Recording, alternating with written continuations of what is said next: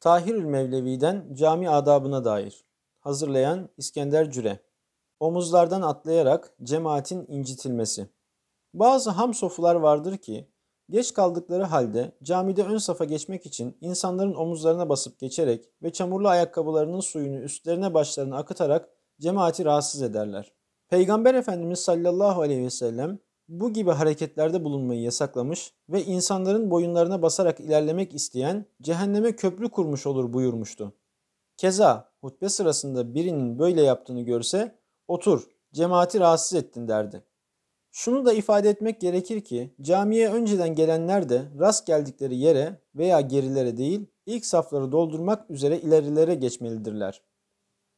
Hutbe esnasında susmak Bilindiği gibi hutbeden maksat cemaati uyarmak ve bilgilendirmektir.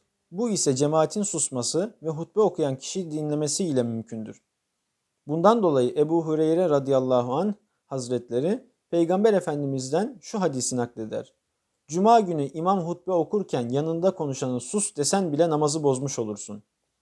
Yine Ebu Hureyre radıyallahu anh'tan rivayet edilen hutbe esnasında mescidin zeminine döşeli ufacık çakıllarla dokunan bile namazı bozmuş olur hadisiyle de sadece konuşmanın veya sus demenin değil, olmadık bir yere ve bir şeye dokunmanın da namazı bozan şeylerden olacağı açıklanmıştır.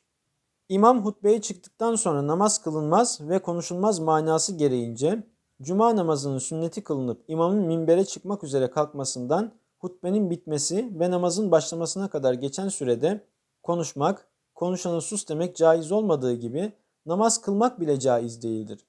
Hutbe sırasında kalkıp namazın sünnetini kılanlar bu meseleyi bilmeyenlerdir. Sünnet farzdan sonra da kılınabilir.